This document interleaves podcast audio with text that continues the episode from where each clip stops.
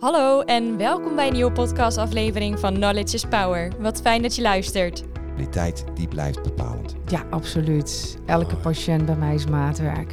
Je hulp zou het eigenlijk allemaal voor niks willen doen, want Ja. je wil zo graag helpen. En dat is mijn doel. Wat past op een hè, zo goed en makkelijk praktische manier ja. weer eh, voor mijn klant. Dus dat heeft ook tijd nodig. Het lichaam heeft ook tijd nodig om eh, te herstellen. Mensen voelen zich fitter, energieker, kunnen beter wakker worden, eh, hebben ook niet meer die slaap. Dat is een fijne afsluiting. Ja. Mis poepoe. Miss Poepoe wens je veel plezier op de wc. Ja. Het bedrijf bestaat 25 jaar. ja, dat was toch eh, een mijlpaal. Ja.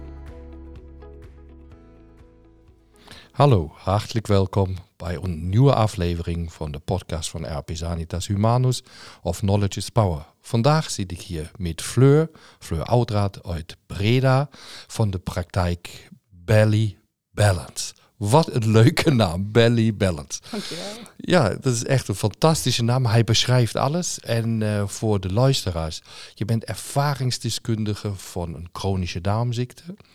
Eh, je had de morbus Crohn gehad. Klopt, ja. En eh, je hebt door je eigen interventie, heb je deze vreselijke ziekte, die eh, met veel medicatie wordt behandeld, heb je heel goed kunnen in de houtgreep nemen. En eh, dit wil je vandaag met onze collega's eh, delen, hoe je dat gedaan hebt en wat ook je lijdensweg was. Dus met medio 20, dus 25, 26, zoals je, als ik dat nog goed heb onthouden Klopt, ja.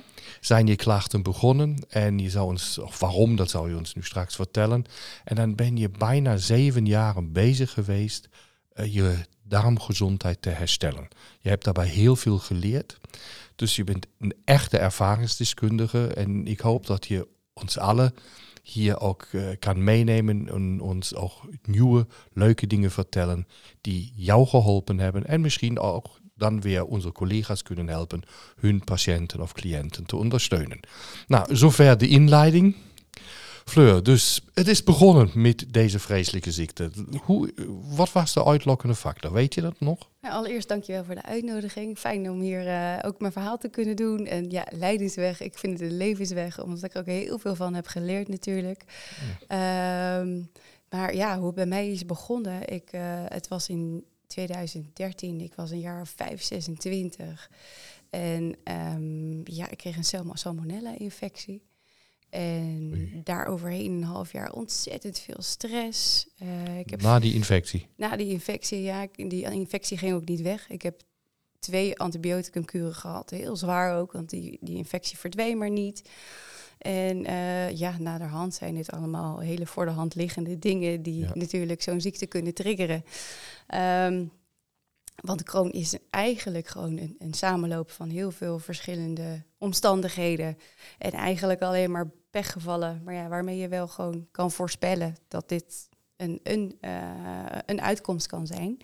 En eh, ja, na die diagnose ga je natuurlijk aan de prednison en eh, volgen er heel veel andere medicijnen. Ja. En ja, dat, dat heeft natuurlijk zijn werk gedaan. Hè? Zonder, laten we wel wezen, zonder de eh, reguliere geneeskunde had ik hier absoluut niet gezeten. Dat is waar. Maar ook zonder eh, de complementaire geneeskunde had ik hier even min gezeten. Niet op deze manier in ieder geval.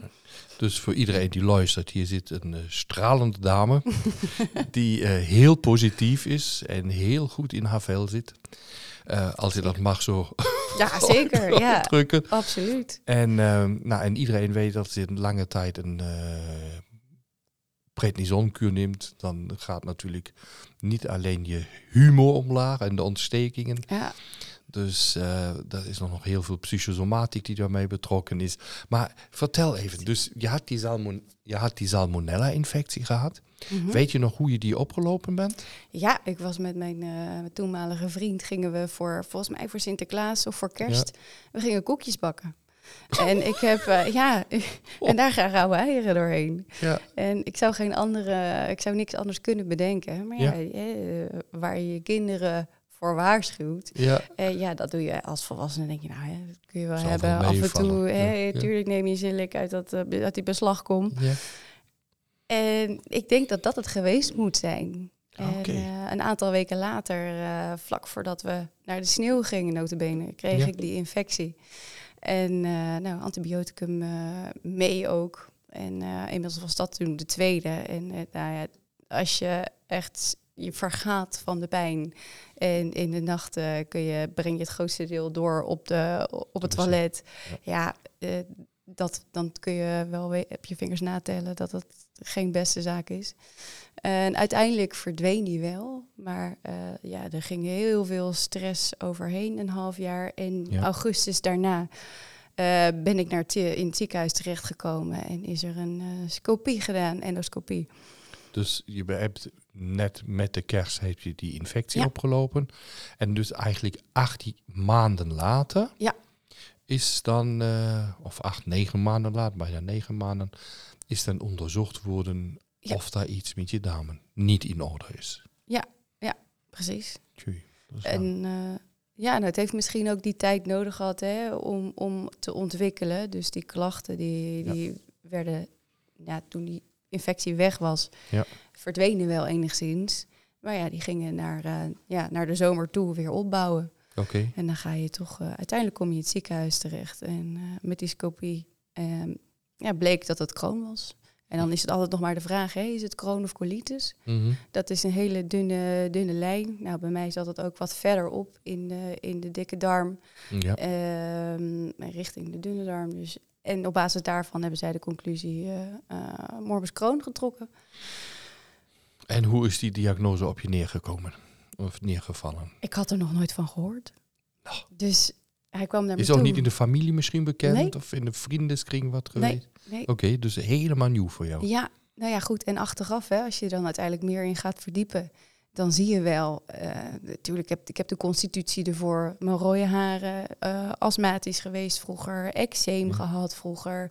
Dus nu zie ik wel dat, dat, dat er diverse triggers al waren. Ja. Ehm, ja, en dan heb je nog maar een paar andere externe factoren nodig. En dan, ja, dan loop je dit risico Ja, dus uiteindelijk. je was al in aanloop naar een chroniciteit. Tuurlijk, dat, achteraf zie ik dat, ja. Had je dan ook voor deze salmonella-infectie, die dan door het beslag lieken is, Ja. hoogstwaarschijnlijk is ontstaan. Laten we dat nog maar als wa- waarschuwing doorgeven aan iedereen. Ehm, maar ehm, had je voordien al darmklachten? Ja, ik heb altijd van kleins af aan al buikklachten gehad. En ehm, vroeger veel buikpijn en eh, altijd wel gevoelig, denk ik, voor, eh, voor spanningen. Dus ik denk dat er ook een zekere hoogsensitiviteit in zit. Nou, dat weet ik wel zeker. Ja. Eh, maar ja, dus, dus die gevoeligheden die horen daar ook bij. En eh, wat niet wil zeggen hè, dat iedereen ditzelfde risico daarmee loopt. Nee, dus juist. Ja, maar, ehm, maar ja, goed. En uiteindelijk eh, hebben ze me daar op zich goed geholpen. Maar dat was destijds nog de internist die, eh, die mij dat kwam vertellen aan mijn bed. En eh, ik lag bij te komen. Ik kreeg een boterhammetje met aardbeienjam. en ehm, dat weet ik nog goed. heel goed. Ja. En toen vroeg ik aan hem, moet ik dan ook mijn dieet aanpassen? Moet ik andere dingen eten? Moet ik sommige dingen niet eten? En hij zei, nou, nee, eigenlijk niet. Eh, sommige mensen schijnen niet zo goed tegen zuivel te kunnen. Maar Hm. anders dan dat hoef je eigenlijk je dieet niet aan te passen. Mhm. En toen gingen er bij mij een paar alarmbelletjes rinkelen. Dat ik dacht, dat kan toch niet waar zijn? Ja. En uiteindelijk ben ik dus bij een, eh, op aanraden van mijn moeder, die ook in de, in de voedingswereld zat en zich daarin in het verdiepen was. Die zei, ga eens naar een orthomoleculair therapeut. En dat heb ik toen gedaan. En daar ben ik twee keer geweest. En zij heeft mij eigenlijk relatief simpel gezegd: stop even met zuivel, stop ook met gluten. Ja. En ik viel van mijn stoel. Ik dacht: oh nee, brood, alsjeblieft. Hoe moet ik in Nederland zonder brood overleven? dan, hè? Ja. En ik was, eh, nou ja, toen ik daar, daar naartoe ging, was ik inmiddels wel een jaar of, eh, of 28, denk ik. Dus drie jaar later. Drie jaar later, inderdaad. Ja. En, eh, en die raden mij die voeding aan, meer groenten. En, en, nou ja, ik noem het inderdaad maar net, hè, wat ik ook zei, mijn, mijn, heksen, eh, mijn heksenkastje, Ja. eh, supplementen raden zij aan. En dat heeft uiteindelijk wel eh, alles bij elkaar opgeteld zijn werk gedaan. En inmiddels ben ik dus eh, formeel twee, tweeënhalf jaar vrij van medicatie. En Met medeweten van de MDL-artsen die mij ook gewoon in de gaten houden. En die zijn er alleen maar heel trots op en blij mee. kijk, wat je dan alles met voeding kan bereiken. En eh, je gaf ook in de voorbespreking aan dat ehm, niet iedereen de belang van voeding in dit traject ziet, sondern ook vaak nog in het belachelijke trekt. Ja, absoluut. En eh, dat ook deze podcast medio daaraan zou bijdragen, eh, zich ook deze ja, problemen met voeding bij deze chronisch zieke darmpatiënten Mhm. eh, zeer serieus te, be- te bekijken en dan ook de voeding aan te passen. Ja. Maar je had natuurlijk ook een, een prachtige, je het, Nee, ja, hek- hard hek- heksenkastje noem ja, ik heksenkastje noem je dat. Dat is een heel, heel leuke benoeming. En daar was onder andere in, daar had je zink, daar had je B12 in, je had eh, magnesium, die, die magnesiummalaat, je hebt omega-3 gehad, je hebt glutamine gehad. Mhm. Ja, ik proef methionine was er nog bij. Ja. eh, natuurlijk eh, vitamine D en pre- en probiotica. En je had ook nog natuurlijk, eh, deri- niet natuurlijk deribose. Ja. Wat niet altijd in de orthomoleculaire wereld voor dit ziektebeeld wordt toegeschreven. Nee. Dus echt een waslijst vol. Ja. Die je dan dagelijks in je lichaam heeft eh, binnengebracht. Ja. Ehm, en maar daar had je ook iets. Dat, past wel niet bij iedereen. Dat is ook je ervaring. Nee, ja, dat vind ik nu. Hè. Nu als therapeut zijn, Ja. vind ik dat best gewaagd om, om zomaar in te zetten. Ehm, kijk, ik ken haar achtergrond natuurlijk ook verder niet. Maar Ja. ik ben zelf heel erg van het testen. Ja. Eh, ik wil graag, hè, ik ben al een tijdje bezig, maar ik wil graag zwart op wit hebben. Ik wil graag mijn feeling nog ontwikkelen. Ehm, en ik, ja, ik zou bijvoorbeeld bij de gemiddelde persoon zou ik niet zomaar iedere pre- en probiotica inzetten. Ja. Tuurlijk, hè, zijn de meeste merken hebben een, een, een standaard ehm, Ja, aanbod van residente bacteriën vooral. Ehm, maar ja, die kan niet iedereen even goed hebben. En niet bij iedereen is hetzelfde aan de hand. Maar goed, bij mij heeft het goed uitgepakt. Ja. Ehm, ben er heel blij mee. En ik, ik dacht wel, net als sommige patiënten van mij nu, zo van, nou, wat, wat is dit voor lijst? en wat is dat duur? Ja. En dan denk ik, ja joh, het is of dit, of, eh, of medicatie. Ja. Tuurlijk is het in eerste instantie even allebei. Eh, want nogmaals, hè, we, laten we complementair blijven werken. En, en regulier met, eh nou ja, met orthomoleculair vooral blijven verbinden. Ehm, en ja, ik heb daar heel veel baat bij gehad uiteindelijk. Maar goed, ik zou dus zelf eerder nu gaan testen. Ik zou een microbioomtest inzetten. Ik vraag altijd, hè, ben je bij je arts onlangs geweest? Heb je een groot bloedbeeld voor me? Ja. Dan kan ik daar ook vast naar kijken. En ja, dat zijn nu wel hele belangrijke handvatten. Ja, je moet natuurlijk ook de, ja, hoe sterk is die ontsteking nu aanwezig? Precies. Dus om daarop te kunnen adapteren, Ja. ook welke suppletie je uiteindelijk eh, voorschrijft. Ja, Eh, dat je niet in eh, sterke ontstekingsfases dan nog suppleties toevoegt die een ontsteking in de hand kunnen spelen. Ja, Ja, dat. Dus, dus je houdt dan wel van eerst, eerst meten Liever wel, ja. ja, en Ja. dan besluiten. Ja, Maar over meten gesproken. Je zei, je bent nu sinds twee jaar, dat heb ik goed gehoord, ne? twee of drie jaar, ben je onder weten of van de MDL-arts dat je geen medicatie meer gebruikt. Je hebt het eerder al niet meer gebruikt, maar sindsdien. ja precies. Dat heb ik uiteindelijk heel netjes aangegeven wel in het ziekenhuis. Want ik was al een tijdje, dacht ik, het lijkt wel of ik rode vlekken krijg van de medicatie. Ja. Dat kan toch, hè? het is een immuunsuppressief. Ja. Dus hè, het zal ook iets doen met, met andere dingen in mijn lijf. eh, die ik misschien wel heel hard nodig heb. Ja. En dat ben ik gaan aangeven. En ze zeiden, ja, dat zou kunnen. Maar goed, als het goed met jou gaat, dan, eh, dan gaan we dat inzetten. Mhm. Dus eh, wel onder controle. Er is nog één uitsteking, eh, of heel één, één uitschieter geweest, moet Ja. ik zeggen. Dus had ik sky high in de ontstekingswaarde. En toen heb ik aangegeven van, joh, laat mij maar even mijn, mijn ding doen, om het Ja. even populair te zeggen. Dus zeiden ze, prima, maar over drie weken testen we weer. En is het dan nog hetzelfde, dan moet je, ja, sorry, maar dan gaan we je opnemen. Mhm. En toen heb ik heel bewust mijn stress aangepakt. Ik heb weer, want op dat moment was ik ook, heb ik ook mijn supplement gebruiken, had ik laten versloffen. Ehm, en dat heb ik heel netjes weer opgepakt. Eh, ik heb even een stap terug gedaan. Nee gaan zeggen tegen heel veel dingen. Dus rust in dat lijf gebracht. En eh, drie weken later was het gehalveerd en ik zat echt boven, boven de 1600. Wow. Ja, Met, de kalprotectine boven de 1600. Dan ben je niet goed ingesteld op je ontstekingswaardes. Nee. Dan, ben je, ja, dan Ja. sta je letterlijk en figuurlijk in de fik. Dus, ehm, maar goed, uiteindelijk, uh, zij zagen dat dat goed ging. En uh, daarna zijn we heel rustig gaan afbouwen. Ja. Um, en dat, daar gaat echt tijd overheen. Hè. Dus dat is echt niet zomaar even, even gedaan. Uh, maar uiteindelijk, die voeding die blijft zo belangrijk. Bewegen heb ik heel veel altijd gedaan.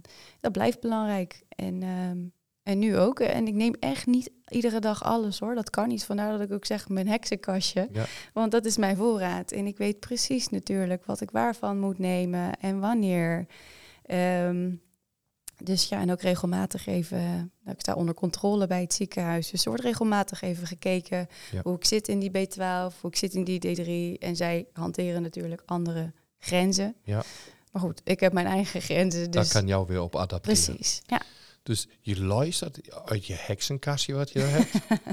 um, daar luister je naar je lichaam, naar je ervaring. Nou ja, exact. Ja. uh, door zo'n lange lijdensweg. En het zelf toch ook weer met behulp natuurlijk van de reguliere zorg op een Mhm. ring, het probleem uh, te kunnen onderschept hebben.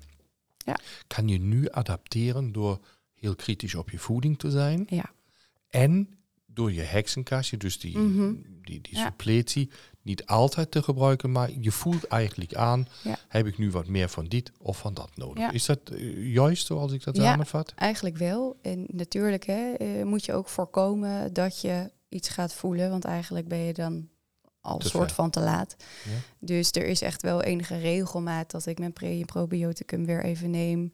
Uh, dat ik een paar dagen glutamine gebruik. En Mm. ja, voor mij werkt dat. En natuurlijk is dat voor iedereen iets wat hij zelf moet uh, ontdekken. En dat zeg ik ook tegen mijn, uh, tegen mijn ja, klanten. Hm? Oh joh, je moet gaan voelen, je moet gaan leren, luisteren naar je lijf. En daar komt veel meer bij kijken. Dus het is inderdaad echt niet alleen maar die voeding uh, en, en die supplementen. Maar hoe gestrest ben je? Wat gebeurt er eigenlijk in je leven? Um, dat, dat, dat gold bij mij ook. Dus het is, het is, het is adapteren en, en, en leven naar, goh, hoe, hoe sta ik er ook alweer bij? Even, even stilstaan, wat gebeurt er momenteel in mijn leven? Ja. Kan ik die stress weer terugbrengen? En ja, die supplementen, die, uh, die neem ik dan... Uh, ja, wanneer ik denk dat dat, Dat nodig, nodig is. is, ja. Tuurlijk blijft omega-3 bijvoorbeeld blijft voor mij wel echt een vaste. Ja, dat is dat. Die er iedere dag al ingaat. Ehm, en uh, nou ja, B12 zit ook regelmaat in bijvoorbeeld. D3 zeker nu heel belangrijk in de winter. Ja. Uh, maar ook daarvan wil ik altijd graag weten, wat is de status? Ja. Dus, uh, dus dat is een, ja, iets waar ik steeds meer mee bezig ben en wat ik ook steeds meer ga doen. Um, en dat, ja, dat zou ik ook andere therapeuten op het hart willen drukken. Van weet waar je, hè, weet wat het uitgangspunt is en, en werk naar een bepaald punt toe. Met, En- met, met je patiënt of cliënt. Ja. ja. Precies, neem mensen daarin mee. Maar daarvoor heb je natuurlijk, ja, in dit geval heb jou een pre of iedere andere collega. Mhm. Ehm, waarbij die pre natuurlijk geen mooie pre is. Die zou liever geen chronische darmontsteking gehad hebben. Maar het heeft je op deze weg gebracht. Ja. Eh, hier meer over te leren. Mhm. Ehm, maar wat zou je dan nu een collega aanbevelen?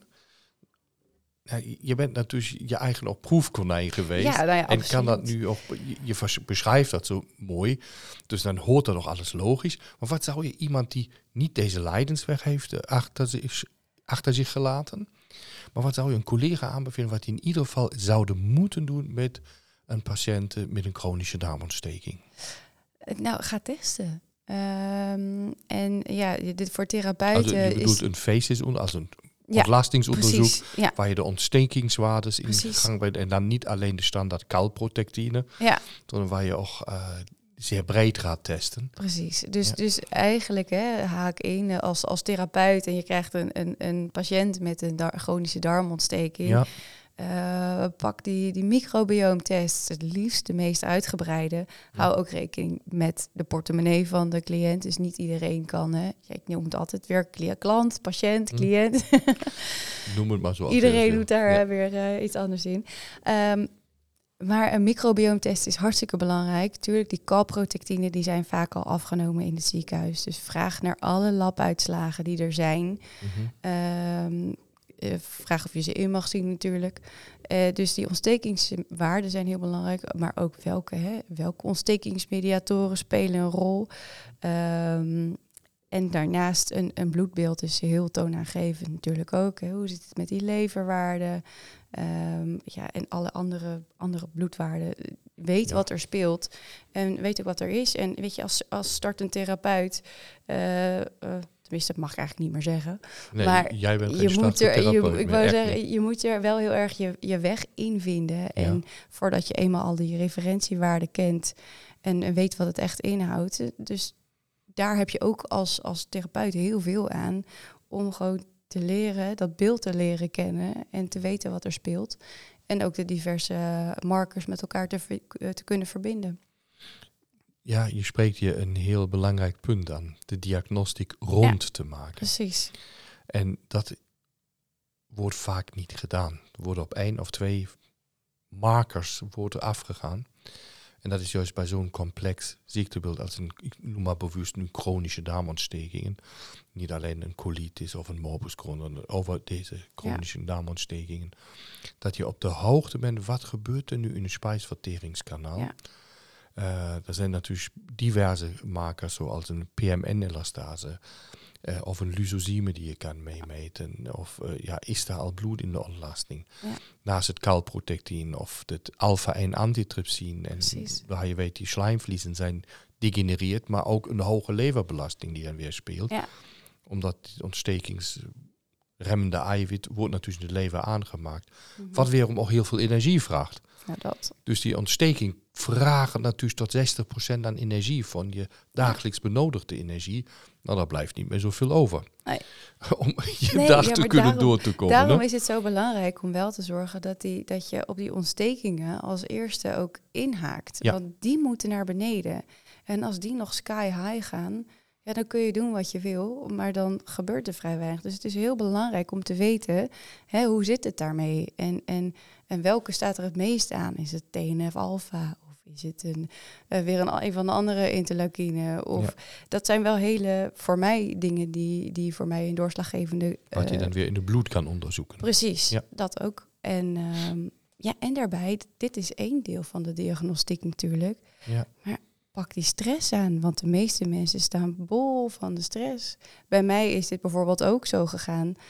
Eh, op het moment dat ik bedacht om voor mezelf dit pad te gaan bewandelen, om mijn eigen praktijk te starten en voor mezelf te kiezen, eh, werd ik veel gelukkiger en werd ik blijer van wat ik ging doen. Ik hoefde niet meer te doen waar ik eh, niet zo blij van werd. Dat was mijn toenmalige werk. Hartstikke leuk, maar niet per se wat ik wilde. En mensen ook uitleggen dat dat zo'n enorme invloed heeft op die ontstekingen. En, en dus ga ook terug bij de mensen van, joh, wat doe jij? Wat houdt jou bezig in het dagelijks leven? En neem ook een stukje karakter daarin mee. En ja, daar kom je eigenlijk op een stukje psychosomatiek hè, uit. En dat vind ik ook wel een hele belangrijke om, eh, om die aan te stippen. Want we kunnen natuurlijk volle bak op dat systeem gaan, eh, op die biochemie gaan zitten.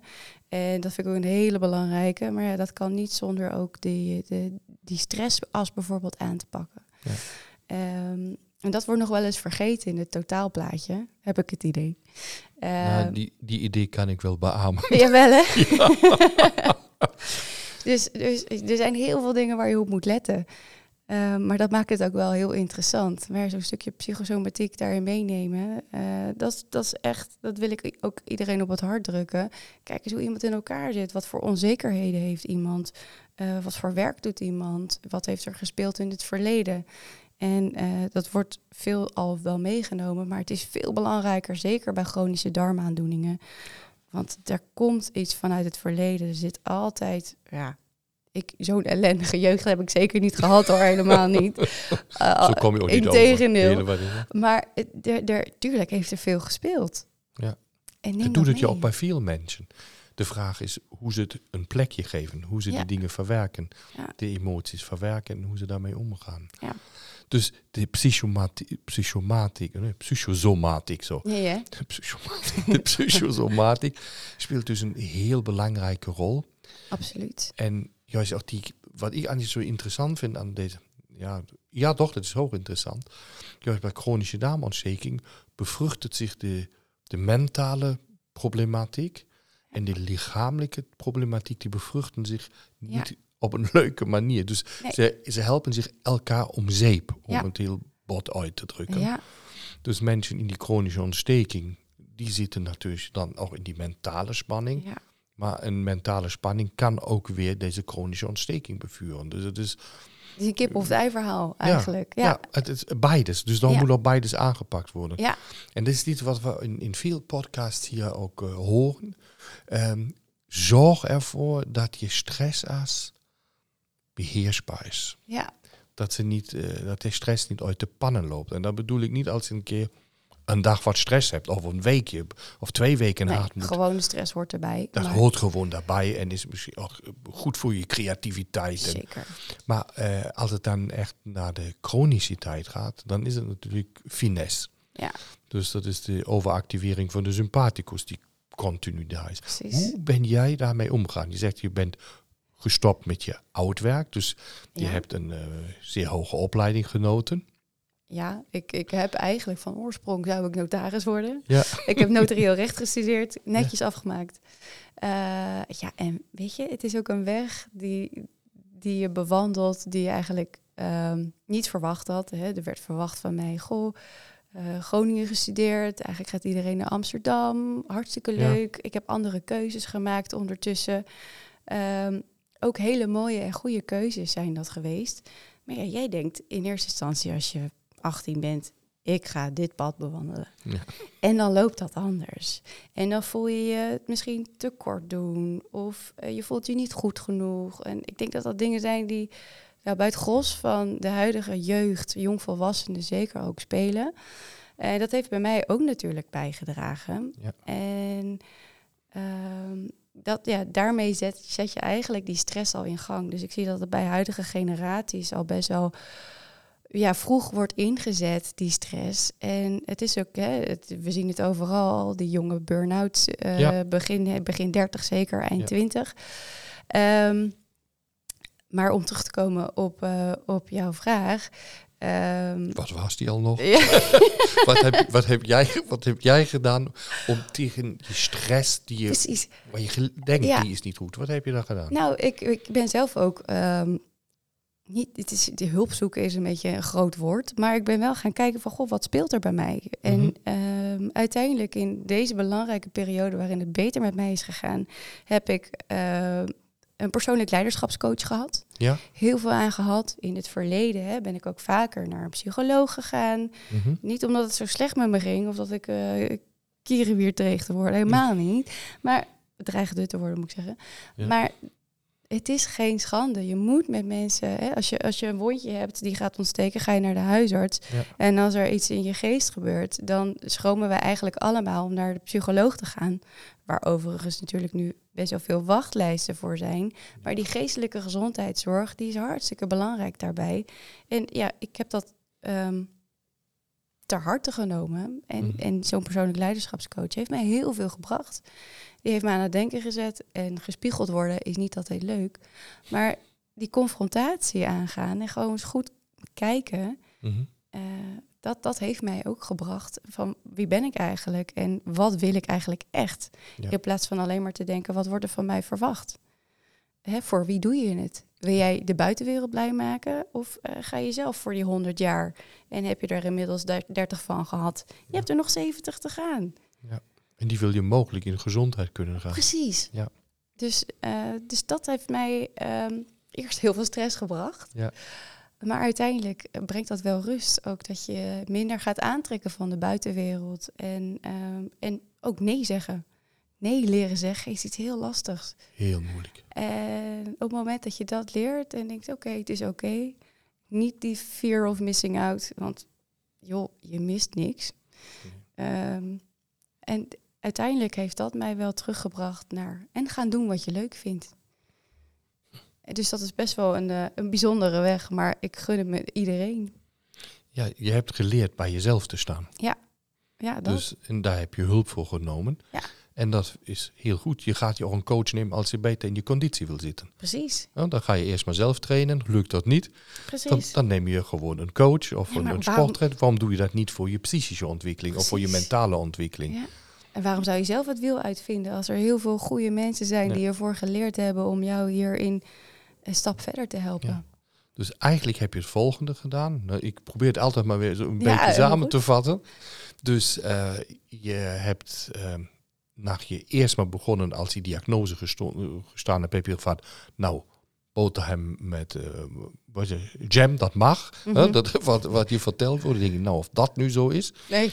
Ja. Hè, dat, dus daar heb je je vraagtekens gezet. En dan ehm, heb je gewoon met voeding ben je begonnen die aan te passen. Je hebt de, de eh, gluten en de eh, lactose weggelaten. Ja, of of melk zuivel de zuivel. volledig, hè? want dat is eigenlijk Ja. caseïneallergie bijna bij mij uiteindelijk. Ja. Dat zie je natuurlijk heel vaak. Oh, Even, dan moeten we weer inhaken. Nee, niet inhaken. We zien natuurlijk ook in die voedingsintolerantietesten. Juist op IgG4 Dat, eh, behoorlijke caseïnstijging. precies. En daar hebben we het nu nog niet eens over gehad, maar dat is een hele belangrijke om er toch eh, ook, hè, misschien niet in het begin, bij de een wel, als het echt heel hoog Ja. opspeelt, hè, eh, maar om dat zeker gewoon een keer gedaan te hebben. Ja, zo'n voedingstest. Wat past, welke voeding kan mijn lichaam überhaupt Verdragen. accepteren en Ja. vertragen. Ja. Ja. Dat is denk ik juist voor veel mensen zou dat een uitkomst zijn. eh, dat ze gericht de voeding kunnen aanpassen en weggaan van ik doe maar dit en dit en dit. Dat staat overal. Ik pas het persoonlijk op mijn toe. Of via dan een behandelaar. Dat kan een patiënt niet zelf doen, maar eh, dat hoort dan bij een, ja, bij, bij een therapeut thuis. Zeker, ja. Ja. En bij Eh. mij was het ook heel duidelijk, hè? want als, als babytje was er bij mij al wel een, melk, al, een koemelkallergie, Ja. varkensvlees, suiker. En vroeger, hè, ik ben wel heel erg eh, ook, ook met het complementaire eigenlijk opgegroeid. Enorm veel mazzel mee gehad. Eh, dus mama heeft dat weggehaald en uiteindelijk weer geïntroduceerd. Dus uiteindelijk kan ik alles wel hebben. Ja. Maar ja, eh, met, met koemelk hartstikke lekker af en toe een kaasje. Maar ja, ik krijg er hartstikke rode wangen van uiteindelijk. En eh, ja, dan loop je twee dagen dat je denkt, oh, dat kan wel anders. Ja. Dat, dat was even niet meer passend, die voeding dan. Precies. Dus, eh, dus dat kun je dan wel nagaan. Hè. Je kan ook heel ver teruggaan bij iemand. Ja. En heel, vooral kijken naar die eerste, letterlijk die eerste duizend dagen van iemands leven. Hoe hebben die eruit gezien? Mhm. Want die vormen natuurlijk voor ja, de basis van, van een mens. Ja. Ehm, ja, en, en ja, als je daar naartoe terugkijkt, zeker bij mij nu ook, dan, eh, dan zie je al heel veel dingen die je als therapeut dus kan gebruiken. Je een aanzet gegeven hebben tot je chroniciteit. Precies. Maar ook de uitweg gegeven hebben. Ja. Hoe kom je daaruit? Ja, dat. Dus maar, ik was bij de samenvatting was Ja, je sorry, blij van de sorry. Hagen Fleur. dus we hadden dus, je had dan nou, besloten zelf je voedingspatroon aan te pakken. Of aan te pakken. Eh, dan eh, heb je je mentaal heb je, je eh, ja, een coach in de arm genomen. Dus, nou, help mij daarbij. Je hebt uiteindelijk daardoor je eh, eigenlijk toch best nog leuke beroep die je had. Zeker. Ja, Ja. Die, die heeft gezegd, nou, die past niet bij mij. Dus deze stressfactor heb je ook opgeruimd. Mhm. Betekent niet dat iedereen hier zijn beroep en alles over zee moet houden. Maar wel even tegen het licht houden. Ja. Hoe sta ik nu in het leven? Wat, wat, wat wil ik ermee? En levert mijn nu leven mij zoveel stress uit op dat ik daarvan ziek word. En weten dat niet iedereen alles kan veranderen. Maar je kan wel dingen leren daarmee anders om te gaan. Absoluut. Ja. Dus, en dan zeg je, nou, om dat wel optimaal te kunnen doen, alles, is ook diagnostiek nodig. Ja. Goed kijken naar de oorzaken. Dus dat, door bijvoorbeeld een voedingstest, door een goede microbioomanalyse, door ontstekingswaardes breed in beeld te brengen. Also niet op de bonne foy af te gaan, sondern het echt diagnostisch te onderbouwen. Dan heb je jouw heksenketeltje. Nee, precies. Die heb je ook nog. Ja. Die, die heb je ook nog. Eh, die je gebruikt om zelf in gezondheid te blijven. Ja. En ehm, nou, dat is natuurlijk al een hele huifka vol aan, aan, aan dingen die je gebruikt. ja, zeker. En je zei ook, nou, eigenlijk moet eh, dat iedereen zo'n beetje weten en, en leren. En daarvoor hebben we ja binnen eh RP Sanitas Humanus hebben we ja onze Ac- Academy, Academy Mhm. waar we de cursussen doen, de basisdarmcursus, waar we de specialistische cursus doen, waar dan juist ook chronische darmontstekingen aan bod komen. Mhm. Je zegt, ik moet naar bloed kijken. Ja. Nou, hoe ziet dat uit? Nou, daar hebben we natuurlijk ook een Ja. heel fijne cursus wegwijzing bloeduitslagen die we Heel fijn. En ook de webinars zijn Ja. daar, dragen daar echt aan bij. ja, eh, zodat we met elkaar die informatie kunnen delen. Absoluut. En deze hele huifkaar vol aan, aan, aan mogelijkheden om patiënten te cliënten te begeleiden. Mhm. Ehm, en dat lijkt misschien voor velen, dat je, oh jee, waar moet ik nu beginnen met een cliëntenpatiënten? Mhm. Als jou dat nou in je praktijk terugspiegelt, hoe begin je met iemand?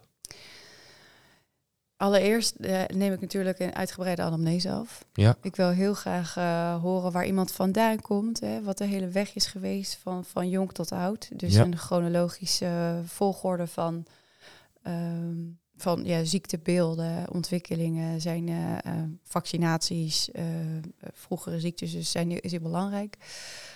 En ik wil weten wat er mentaal speelt. Ik wil weten... Dus de eerste duizend dagen, zoals je het zei, die wil je Precies, ja. zo ver mogelijk weten. Die wil ik weten. Gewoon alle, eh, de hele medische geschiedenis eigenlijk. Ja. Ehm, en ook eh, hoe zit nu iemand nu in zijn vel? Wat is er gebeurd? Wat is de trigger geweest? Ja. Dus ik dat hele plaatje wil ik compleet hebben. Ik weet eigenlijk van tevoren dat stress een hoofdfactor speelt. Dus daar wil ik als eerste op, op in gaan haken. Mhm. En dan vraag ik om de bloeduitslagen en eh feestuitslagen als die er zijn. Ehm, ik wil weten of dat al bekend is en anders dan ga ik zelf een, eh een microbioomtest inzetten. Oké. Ehm, en, nou ja, bloeduitslagen zijn er eigenlijk altijd wel. Ja. Dus dan kijk je daarnaar en eh, je begint eigenlijk begin ik met ehm, ook nou, de stress as te kalmeren. Eh, dus daar kun je hele mooie dingen. Nou, de oligo's zijn bijvoorbeeld een hele mooie. Ehm, maar ik vind eh, eh, het vitaminebeeld ook heel belangrijk. Ja. Vitamine, mineralen, die tekorten, die wil ik graag gaan aanvullen. Mhm. En ik wil weten hoe, hoe bijvoorbeeld het, wat de staat van, van het darmslijmvlies is. Ja. Ehm, en daarna komen mensen, dus ik stuur ze inderdaad weg met een paar opdrachten om wel ook meteen die rust te pakken. En eh, ja, met voor dit gaan we testen. En daarna komen ze bij mij terug. En dan kunnen we op basis van de uitslagen gaan we, gaan we een eh, plan maken. Dus je gaat daar wel zeer structureerd, Ja, ga je met eh, die cliënten aan, aan, aan, maar aan de dat slag. moet je voor je cliënt ook doen. Want anders dan is het onoverzichtelijk. En ze hebben gewoon behoefte ook aan, aan structuur. Ja. En duidelijkheid wat Ja. nu past. Jou hebt trouwens, jij hebt natuurlijk je, ik vond die benoeming van jou daarom gebruik je alweer die heksenkast al Ja. aan orthomoleculaire suppletie, die heb je, eh, voor, die je voor jou gevonden. Ja. Maar dat betekent niet, zoals ik je begrepen heb, dat dat voor iedereen geldig Nee, is. absoluut En daarvoor heb je naast de anamnese ook de diagnostiek nodig. Precies, ja. Ja. ja dus die, die diagnostiek die is echt eh, eh, ja, heel leidend ook daarin. Ehm, En ja, weet je, die heksenkast die mij is aangeraden, nee, dat zou ik nooit bij een ander doen, zo op deze manier. Bij jou is het gelukkig goed Ja, bij uitgekomen. mij is het goed gegaan. en ik heb alle vertrouwen in haar dat ze dat goed heeft gedaan. Ja. Eh, maar ja, dit is veel, hè? En dat krijgen we nu. Dat, dat wordt je ook eh, de laatste jaren meegegeven in de opleiding. Wees nou voorzichtig. eh doe één voor één. Want iedereen reageert ergens anders op. Ja. Dus ik vind het ook fijn, hè? Hoe, hoe reageert zo'n lever bijvoorbeeld? Hè? Dat is wel heel belangrijk om te weten hoe hoog moet je iets doseren. Ehm, niet iedereen kan dezelfde dosering aanpakken. Dus Nee. diagnostiek is daarin wel eh, ja, heel lijnend. Want ja, je wil iemand bijvoorbeeld nou, vaak komt, komt eczeem komt ook wel vaak voor bij, eh, bij mensen met darmklachten natuurlijk. Eh, ook een kip of het ei verhaal misschien. Ja, Ehm, dat- ik denk ook dat, dat nou, ik denk niet dat dat een sluitend antwoord is. nee, nee dat is, nou, het komt eigenlijk altijd uit de darmen. Ja. Maar eh, dat is best lastig, want eczeem is een hele moeilijke. Daar kun je niet Ja, zomaar ehm, eh, iets erin, erin knallen. En vaak kun je niet eens ortomoleculair beginnen. Nee. Eh, dus dat zijn wel dingen die je ook gaandeweg natuurlijk leert. Ja. Ehm, dat leer je overigens heel snel. Maar eh, ja, wees voorzichtig en bouw dingen op. Tast het af en, en neem, je, neem je patiënt erin mee. En wees, je zei tastend, misschien kunnen we dat zelfs nog versterken. We zijn, wees doortastend in Ja. je anamnese Ja. en in je diagnostiek. Ja. Dat je het beeld compleet, compleet heeft. Ja. Onze collega Wim, met die ik ook al een podcast ingesproken heb. en Een die- hele leuke podcast ook. Ja. Ja, absoluut aanrader. En hij zei altijd, het meest moeilijk is altijd als collega's hun diagnostiek niet af hebben. Ja. Dat geef je aan. Dat je, dan missen we zo essentiële informatie. Dan komt de vraag natuurlijk, ja, wat moet ik doen? Ja, hoe dan? Weet je, wat, als je niet weet wat je moet doen, dan ga je alleen op je buikgevoel af. Nou ja, dat eh, is ook prima. Maar is zeker bij deze chroniciteit en zware ziektes, Weet spreek ik natuurlijk nu of voor, voor mijn eigen mening, is niet voldoende.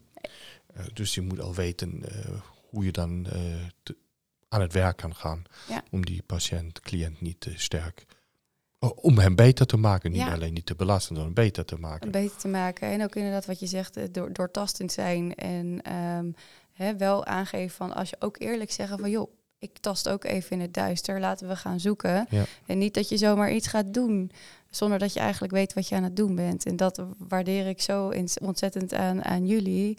Want bij RP kan ik altijd terecht om mijn vragen te stellen als ik Dank het je, niet weet. Ja, dat vind ik heel fijn. Dat is echt, eh, eh, echt een van de grote, grote prees.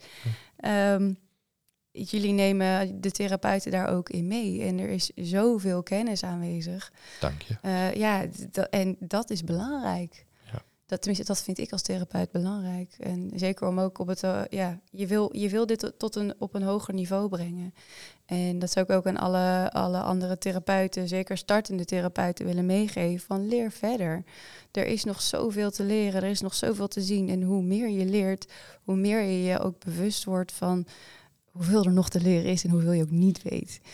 En daar moet je ook niet door laten beangstigen, maar ga daarin verder. Ook om mensen zo goed mogelijk te kunnen helpen natuurlijk. Ja, dat vind ik nu zo fijn. Wel, niemand van ons heeft ooit geleerd. Never know it. Nee. We kunnen nog zoveel eh, jaren aan de behandeltafel staan of aan Ja. de spreekkamertafel zitten. We zijn nooit klaar met leren. En iedere patiënt is nieuw. Ja. En eh, iedere patiënt is een unicaat, Absoluut. is een individu. Ja. En eh, daar moeten we on- met alle man en macht ons hard voor maken om deze mensen te helpen. Zeker. Maar om dat te doen, om juist dat alles goed te doen, heb je ook nog wat heel leukes gemaakt. Ja, nou ja, dat is inderdaad wel een leuk bruggetje naar die, eh, naar die guide die ik aan het maken Ja. ben. Ik ben een e-guide aan het maken, juist voor de startende therapeut ook. Want jeetje, wat is er veel te ontdekken, er veel uit te zoeken. Welke beroepsvereniging moet je hebben? Wat kun je gebruiken voor je website? Welke laboratoria zijn er allemaal? Met wie kun je samenwerken? Hm? Eh, aan wie kun je je optrekken? Ehm, nou, en ook praktische zaken. Hè? Hoe zit het met welke bank eh, kun je koppelen met je administratiesysteem? Ja, echt, je kan het toch gek Dan niet komt je verleden weer om de hoek, hè? Ja, precies. Ja, ik weet natuurlijk heel veel. Hè. Ik heb ook nog bij een bank gewerkt. Ja. Dus ja, en die rechtenstudie is ook nooit weg. Dus Ja. uiteindelijk ben, je van, ben ik van heel veel markten thuis geraakt. En ehm, ja, dat, dat triggert mij toch ook. Dan denk ik, ja, het kost je al met al eh, een halve week, een week om alles uit te zoeken. Hoe fijn zou het zijn als je alles even onder elkaar hebt. En echt, het is niet uitputtend, want er is zoveel. Maar het geeft je wel even een indicatie van wat er allemaal is. En, en hè, wat je, waar je in ieder geval op moet letten. Eh, wanneer ben je vergoedbaar? Hoeveel punten moet je hebben? Voor welke beroepsvereniging? Eh, welke laboratoria zijn er goed en heel fijn om mee samen te werken? Nou, daar staan jullie wat mij betreft bovenaan. En ehm, ja, dus, dus ja, wel ook gewoon objectief kunnen zeggen van oké, dit is er. Ja. En ga, ga kijken, ook met kliklinkjes. Ehm, er zitten nog een paar eh, eh, ja, doorlinkjes in en voordelen die ik ook kan, eh, kan weggeven. Dus dat is eh, ja, zeker een aanrader. Dat is heel goed. Ik denk, dat heeft natuurlijk nu niks direct met die chronische darmziektes te doen. Nee, maar, Maar wel. als je dit al hebt, neemt je dat stress weg, wat een chronische ziekte bevordert. Ja, en, en precies, en die stress gewoon van het opstarten van. Ja. Ehm, want ja, niet zelden kom je als therapeut natuurlijk al uit een chroniciteit of een ziekte waardoor je dit vak bent gaan Ja. uitoefenen. Want Je niemand wordt op een dag, ver- verleden, ja. niemand bedenkt eigenlijk of wordt wakker eh, als klein kind met ik word orthomoleculair therapeut. Nee, Nee, de politieagent Ja, of eh, brandweerman. of- precies. Dus, eh, Ja. dus, dus ja, iedereen komt ergens vandaan. En Ja. die stress bespaar ik een ander graag. Ja, super. Ik vind het fantastisch zo'n guide te maken Ja. voor startende collega's. Ik denk dat het zeer, zeer waardevol is. Nou, dank je. Maar voordien we nu afsluiten, wil jij nog zo even maar de punten heel kort samenvatten wat je in ieder geval moet doen met een patiënt met chronische darmziektes? Laat me niet alleen de ziekte van Crohn nu nemen. Hè.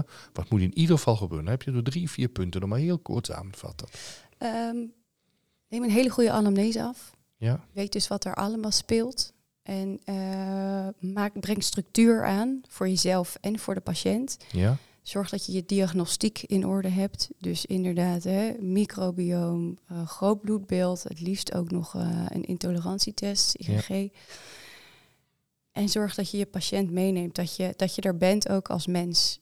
Mensen gaan een traject met je aan en ehm, weet waar je het over hebt en specialiseer je alsjeblieft op waar je mee bezig bent. In het ziekenhuis zie je ook geen orthopeed die eh, als kinderarts werkt. En dat kunnen we in orthomoleculaire therapie wat mij betreft ook niet zo doen. Dus Ja. specialiseer je, heb je diagnostiek in orde en eh, neem een hele goede anamnese af. dat vind ik een heel fijne samenvatting. Fleur, de tijd is, zit daar al op. Het is bijna niet te geloven. hoe snel dat gaat altijd. Ik ben daar steeds nog ook van verbaasd. Dan kom je in het gesprek. Dat is altijd zo fijn. Ja, nou, zeker. eh, lieve luisteraars, vandaag eh, wie het nog niet meegekregen hebben, tussenin heeft eh, eh, er is een beetje voorge, heet dat, Gevo- gevoorwoord. Mhm. Ik zit hier vandaag hier met Fleur, met Fleur Oudraad. En zij, haar praktijk heeft Belly Balance. Wat een Ja. leuke naam. ja, vanuit de buik geboren, hè? Ja, buikgevoel. Ja, ja. Het is toch fantastisch, hè? Belly Balance. Ehm, en eh, volg haar op Instagram of op de social media, als ik dat in het algeheel mag zeggen. En hou daar ook vooral de nieuws die ze geeft op eh, haar social media in de gaten. Daar Zeker. komt dan ook naar voren wanneer deze starters e-guide ter beschikking staat. Ja. Als het goed is, eh, is of komt, hij komt binnenkort online. Dus Oh. eh, hou hem in de gaten. Ehm, mijn Instagram is fleuroudraad underscore bellybalance. En eh, daar kun je dan uiteindelijk meer op vinden. En vind je ook uiteindelijk een linkje om, eh, om te kunnen bestellen. Dus eh, Super. volg het. En het wordt nog maar met in de aankondiging gezet. Dus dat ook al oh je ja, kennis. Ja, super. Nee, dat je al, al je kennis die je uit helaas uit eigen belevenis natuurlijk hebt meegemaakt. Maar daardoor weet je ook precies hoe wat voelt. Ja. Ik wil me hartelijk bedanken en wens je heel veel plezier en gezondheid. En hou de belly balance in stand. Doe, ga ik doen. Ontzettend bedankt voor het leuke gesprek. Helemaal leuk. Dank je.